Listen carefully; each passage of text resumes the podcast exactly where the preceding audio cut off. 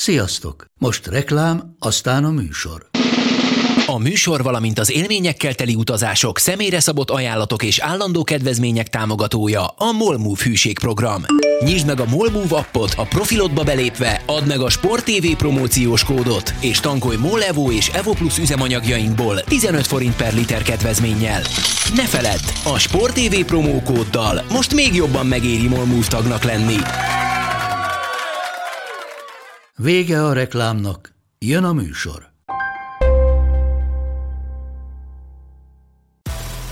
Nekik mindegy, hogy Győr vagy Fradi, Veszprém vagy Szeged, Bajnokok Ligája vagy EHF Kupa. Csúcskézilabda egy helyen, töményen, Ágai Kis András és Borsos Attila előadásában, a kézi vezérlésben, a Sport TV és a 24.hu közös podcastjában.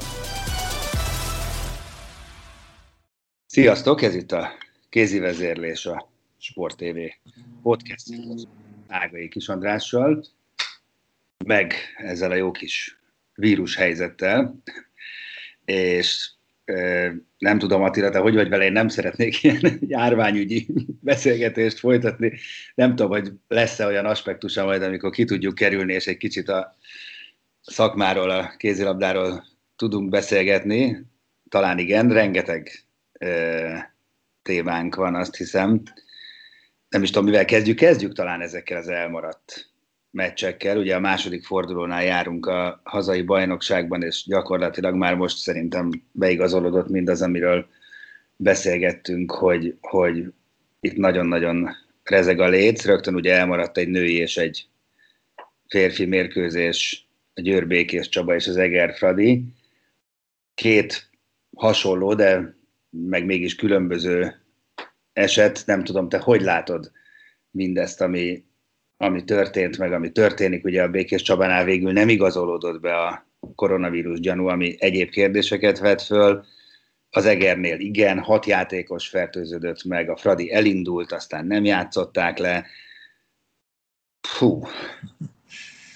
Hát szerintem az igazolódik be, amiről a múlt héten is beszéltünk, hogy ez az egész szezon, akár a magyar bajnokságot tekintve, akár majd a BL-t is, hogyha elindul ugye a hétvégén, látni fogjuk, hogy, hogy így fog előre lavírozni, hogy, hogy egy-egy mérkőzés elmarad, akkor azt el kell halasztani, és akkor egy idő után lehet, hogy annyira feltornódnak már az események, hogy tarthatatlan lesz a dolog.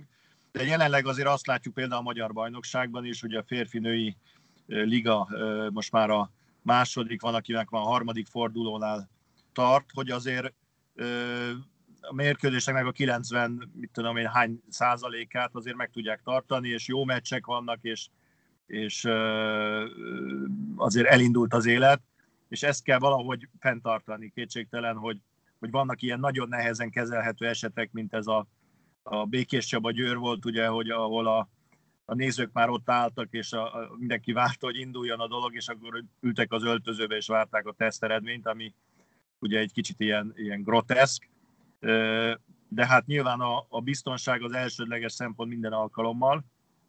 Úgyhogy szerintem amíg, amíg a csapatok tudnak játszani, amíg egészségesek, addig, addig kell játszani. Aztán az egy másik kérdés, hogy véleményem szerint a, a nézőközönséget előbb-utóbb ki fogják zárni a, a csarnokokból, mert, mert azért az egy nagyon nagy rizikóforrás pluszba. Na de várjál, akkor bontsuk ketté a két esetet azt mondod, hogy amíg egészségesek, addig játszanak, akkor nézzük ezt a győrbékés Csabát. Mint kiderült, ugye egészséges volt elvileg mindenki, vagy legalábbis az a játékos, akit tesztet végeztek.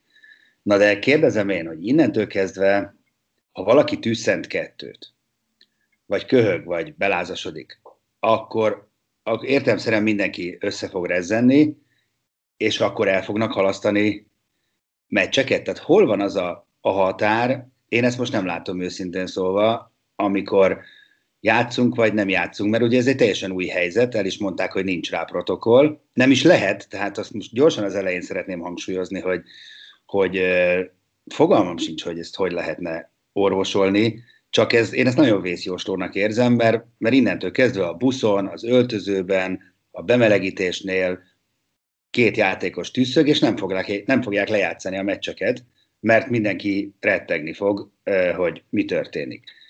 Aztán, és akkor beszéljünk a kettőről együtt, vagy reagálja kettőre együtt, Eger Dabas. Hat játékos, illetve Eger Fradi megfertőződött ugye az egrieknél. Ez ugye három nap múlva Eger Dabas mérkőzés lesz. Ez értelemszerűen azt jelenti, hogy az a hat játékos nem. A többiek ugye negatív tesztet produkáltak. Tehát az a hat játékos élből nem játszhat a következő mérkőzésen. És akkor ez mindig így van. Nem is tudom, hogy mennyi, a, mennyi az a várakozási idő, amit egy pozitív teszt után kötelező kívánni például. Hát e, ezekbe szerintem nem menjünk bele, mert ezek olyan kérdések, amihez nem értünk, és, és ráadásul a, amiket én hallok jobbról, balról a rádióban, meg olvasok itt-ott, még a, a szakemberek között sincs teljes egyetértés ezekről a ö, idő intervallumokról, ami, amiket be kell tartani, nem kell betartani. Úgyhogy szerintem... Hát bocsánat, meg van még valami, meg van még valami, hogy én azt is úgy tudom, vagy úgy hallottam ö, sporttól teljesen függetlenül, hogy ugye két pozitív teszt kell ahhoz, hogy valaki, vagy két negatív teszt kell ahhoz, hogy valaki garantáltan fertőzésmentesnek bizonyuljon, tehát még az egy negatív teszt sem teszt tulajdonképpen, azt mondják, de néha ezek szerint meg mégis teszt, mert elfogadjuk, és tehát ha mondjuk ha megjött volna, csak most teoretikusan beszélek, de hogy megérkezett volna a meccs előtt annak a Békés Csabai játékosnak a negatív tesztje, akkor lejátszották volna azt a mérkőzést, holott azt halljuk folyamatosan, és mondjuk a focistáknál ez is van, hogy kettő darab tesztet kell, negatív tesztet kell produkálni ahhoz, hogy biztonsággal kijelenthető legyen valakiről, hogy nem fertőzött. Igen, ráadásul a két teszt között el kell tenni egy bizonyos időnek, úgyhogy ez, ez így szerintem, ha ezt ilyen nagyon szigorúan be fogják tartani, akkor ez így kezelhetetlen lesz. De hát csökkentve a rizikót, amíg negatív tesztek vannak, egy legalább addig, addig játszanak. Aztán, aztán tényleg lehet, hogy egy pár hét múlva mindenkinek haza kell menni és, és karanténba lenni, de aztán az is kérdés, hogy utána, amikor karanténból kijönnek a játékosok, akkor utána ők már játszhatnának végül is, csak lesz-e kivel. Hát igen. Hogy, hát ez, ez mindenképpen egy nagy rugalmasságot és, és reaktivitást követel a, a versenyszervezőtől, tehát az MKS-től a Magyar Bajnokság esetében, mert Ugye először azt mondták, hogy a Békés Csabai meccs az 10-0-al a győré lett. A Fradi meccset viszont ugye elhalasztották, tehát nem tudom, hogy mi, mi a különbség a kettő között, illetve lehet, hogy aztán a Békés Csaba, a Győr Békés Csabát is elhalasztják, ez, ezeket, ez csak a versenybizottság fogja tudni egy idő után kezelni, és, illetve már az elejétől, és egy idő után viszont biztos, hogy sérelmek lesznek benne, hogy valamelyik klubok rosszul járnak, a másik meg esetleg jobban. Szerintem nem, nem kell ezt jelenleg túl gondolkodni, amíg egészségesek a csapatok, addig játszanak, aztán, aztán meglátjuk, hogy mi fog történni, és, és továbbra is azt mondom, hogy én szerintem a, a játékosok, illetve a játékosok környezete, a, a, a vezetők a klubokban nagyon nagy felelősséggel tartoznak az irányba, hogy, hogy mindent megtennék azért, hogy a fertőzést elkerüljék, mert ebbe azért van teendő, tehát azért nagyon sokat lehet csökkenteni a rizikót, hogyha figyelnek oda az ember. Igen, hát ez valóban így van, ezt sokszor megbeszéltük. Na nézzük a BL-t, amely ugye elindul a hétvégén, mondom ezt kijelentő módban, illetve valami... Egy, egy pillanatra, hogyha Igen már itt a bajnokságról beszéltünk, azért, azért említsünk meg egy-két dolgot, ami érdekes volt itt a női-férfi fronton. Ha a nőkkel kezdenénk, akkor számomra, ami nagyon meglepő volt, az a Debrecennek a két veresége az első két fordulóban.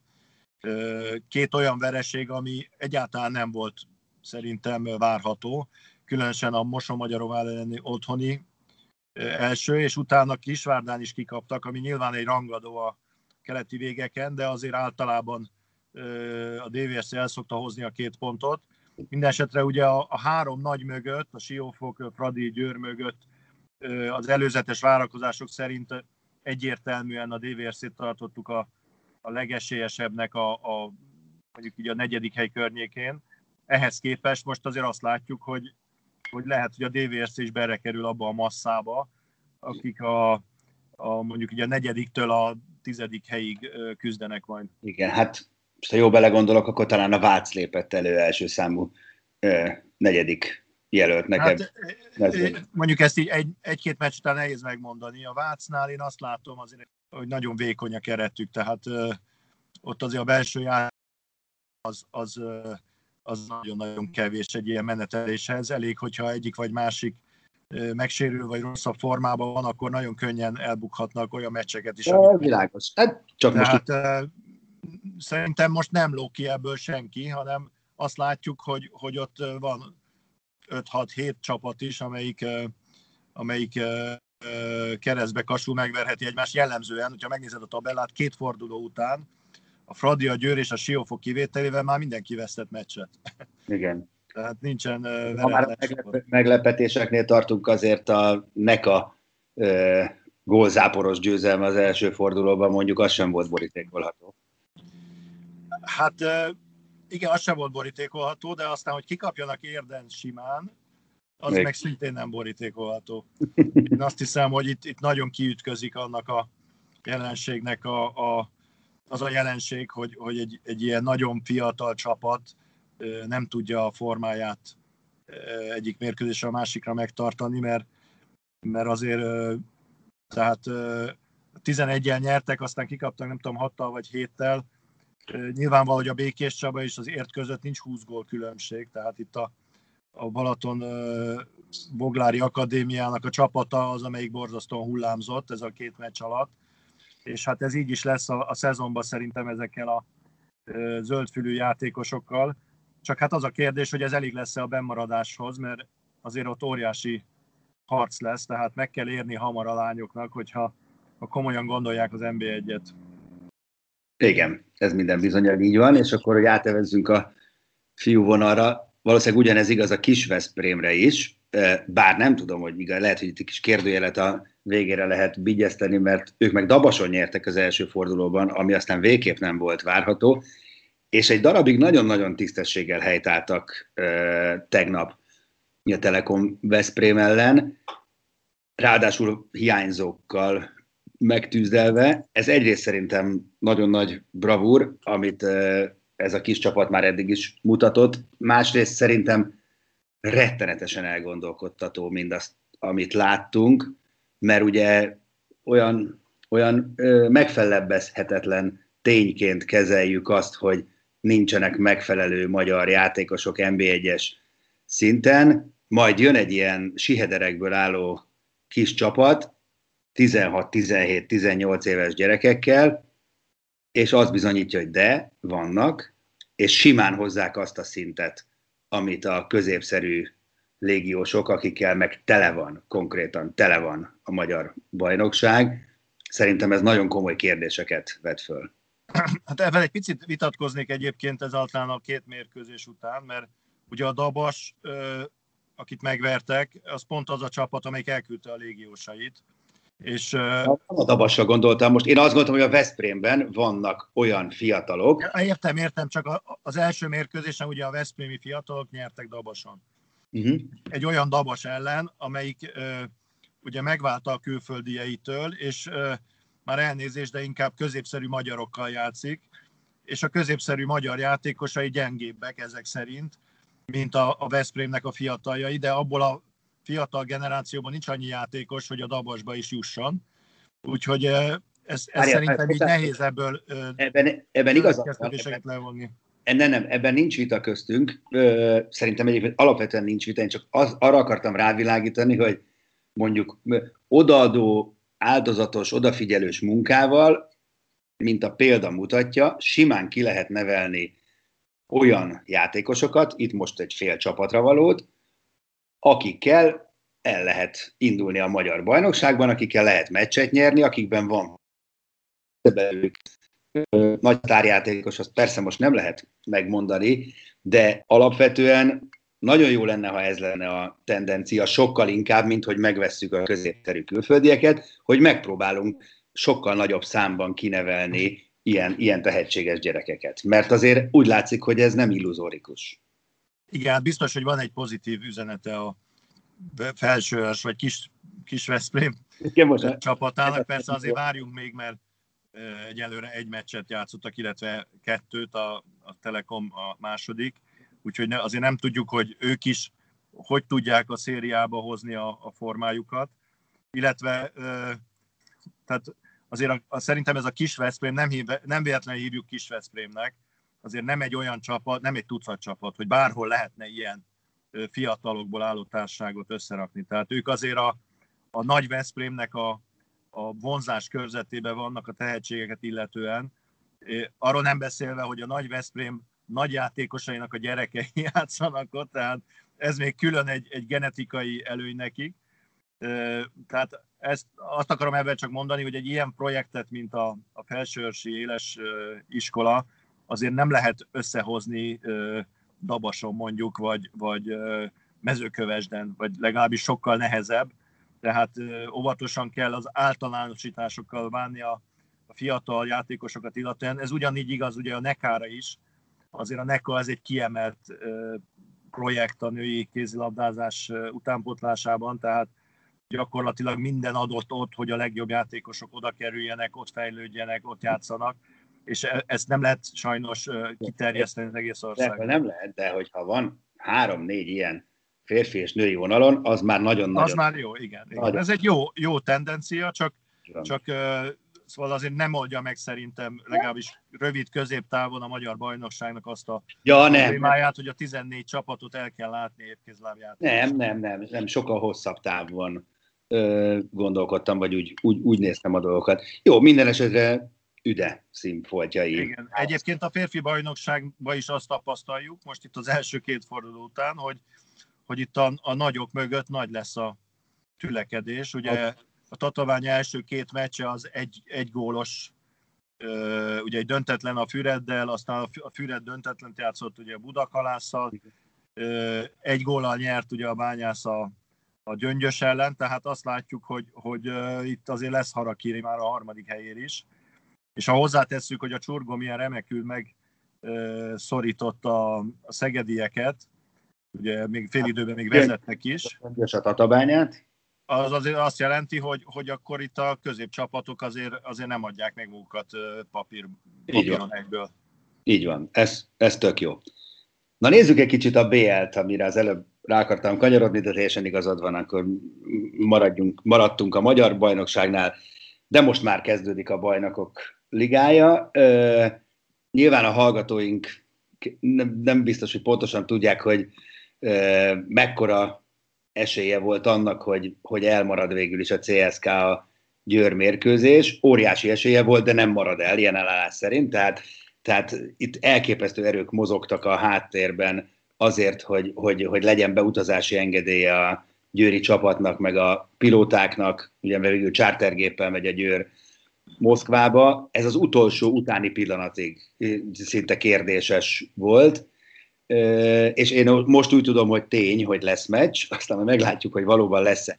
Most hagyjuk az egész, tényleg a vírus helyzetet végre, nézzük szakmailag, mit tudunk erről a CSK a Moszkváról, ugye új, új, újonc a, a bajnokok ligájában, de egy rettenetesen megerősített orosz csapat, szerintem ide nagyon óvatosan kell menni.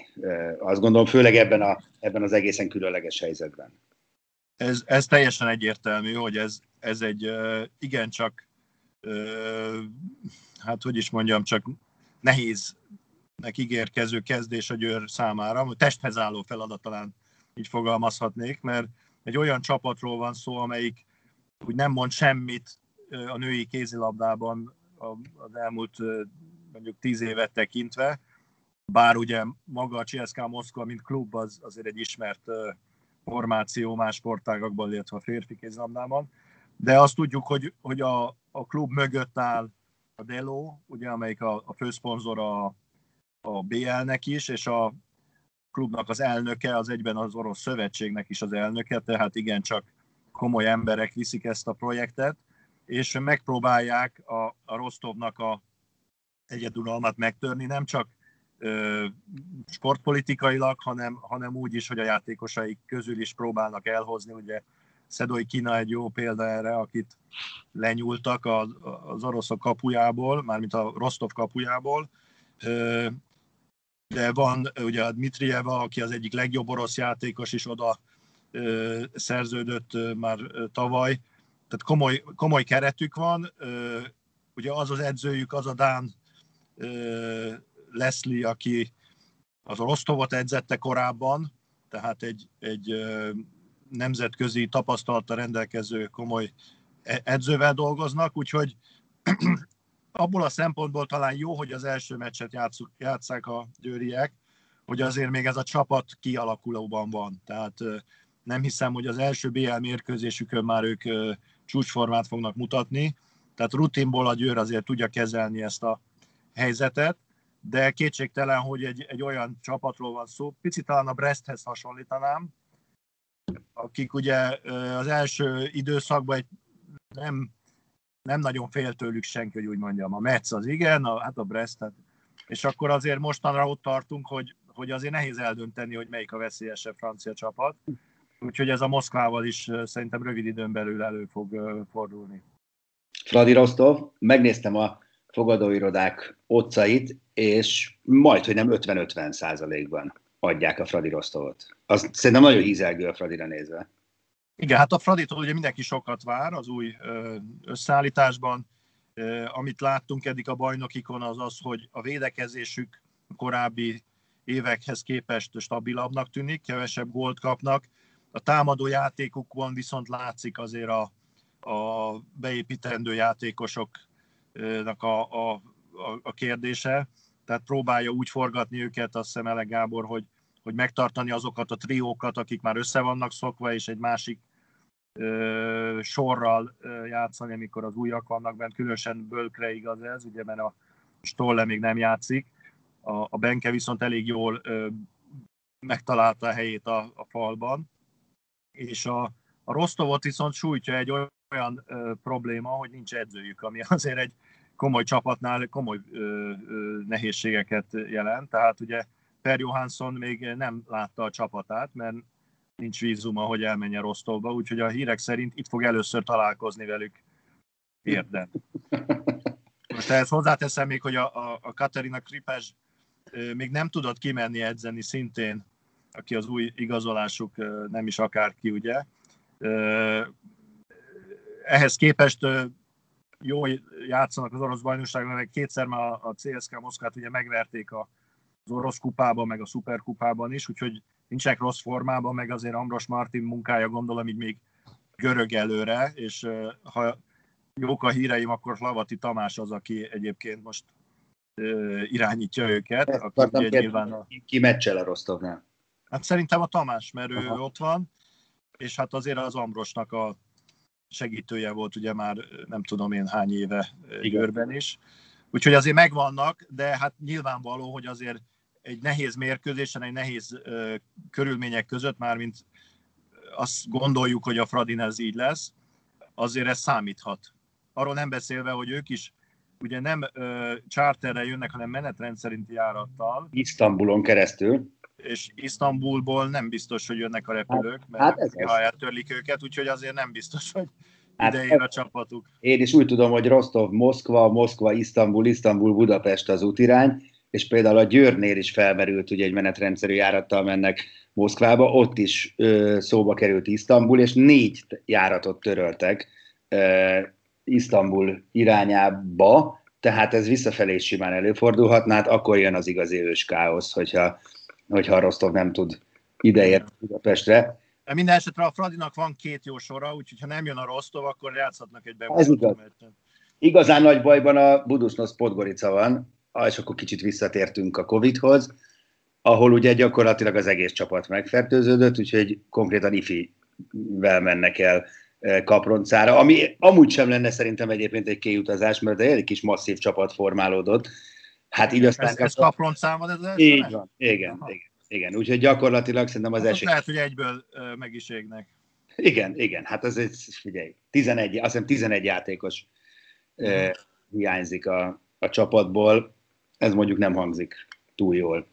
Na, hát ez a, ennyit a BL-ről akkor így előjáróban, hogy a fiúk majd elő, először van olyan szezon, hogy hétközi meccsek vannak a BL-ben, tehát most azért nem mélyedünk el ebben, mert jövő hét szerda csütörtök lép pályára majd a Veszprém és a Szeged. Nézzük egy kicsit a női EB legfrissebb sztoriát, ami ö, úgy hangzik, hogy ö, nem, hogy nem két helyszínen, hanem nem is több helyszínen, hanem egy csarnokban, bár nem tudom, hogy ezt jól értelmezem-e, de én úgy értelmezem, hogy ez, ez ö, Trondheimben a, az a Spektrum Arena, vagy mi a neve? Az? Igen, hát ugye ez az aréna, ez egy modulálható csarnok, tehát én azt hiszem, hogy ott, ott legalább kettő, de lehet, hogy három pályát fognak kialakítani. Pont akartam kérdezni, egy 24 csapatos EB-t, azt szinte lehetetlen lebonyolítani egy csarnokban ennyi idő alatt, ennyi csapattal. Igen, hát ez egy csarnok lesz, de több pálya. Na igen, tehát akkor úgy gondolod, hogy itt több pálya lesz, és akkor... Az, az egészen biztos, mert ez a, ez a csarnok, ez erről nevezetes, hogy Aha. egy ilyen etalon abban a műfajban, hogy hogyan lehet egy arénából több pályát csinálni. Jól tudom, amikor a Győri uh, Audi arénát uh, tervezték, akkor is uh, megvizsgálták, vagy tanulmányozták ezt a csarnokot, hogy hogy lehet, ugye, amikor nincs mérkőzés nézők előtt, akkor több pályát kialakítani, és mivel itt ugye néző nem lesz, tehát nyugodtan csinálhatnak több pályát is. Na hát erre nagyon kíváncsi leszek. Tegyük hozzá, hogy ez a pillanatnyi helyzet. Mint ahogy az a pillanatnyi helyzet, ez nagyon vicces, hogy az EH bejelentette, hogy most már biztos, hogy megtartják a férfi Final four két ünnep között decemberben. Hát szerintem biztos majd december 27-én lesz, mert ha van ember, aki meg tudja mondani, hogy mi lesz ezzel a járványhelyzettel Németországban december közepén, az mondjuk maga Nostradamus, vagy valamelyik leszármazottja. Tehát itt is a jelen helyzetnél tudunk maradni, hogy most, most így nyilatkozott a, az Európai Szövetség, bár lenne és lennének nézők is. De hát ez tényleg egyelőre teória. Igen, hát minden esetre azt hiszem, hogy, hogy ha egy picit magunkra gondolunk, már mint a televíziózásra, akkor ebből a szempontból hát nézni kell a tévét. Így van. Minket kell nézni.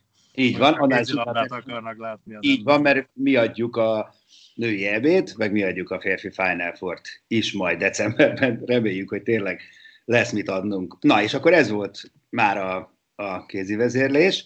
Az extrát most átcsúsztatjuk hétfőre, praktikus okokból, mert megvárjuk a hétvégén történteket, különösen a női BL fordulót, és akkor majd annak fényében beszélgetünk valakivel, mert még azt sem tudjuk, hogy, hogy, hogy ki lesz a legérdekesebb, és e, kit tudunk majd becserkészni, úgyhogy egyelőre most itt tartunk, és akkor találkozunk hétfőn, és akkor már vissza is tudunk pillantani arra, hogy mi történt, meg egy kicsit közelebb leszünk a férfi bajnokok ligája kezdetéhez is. Köszi, hogy hallgatotok minket. Sziasztok! A műsor a Béton partnere.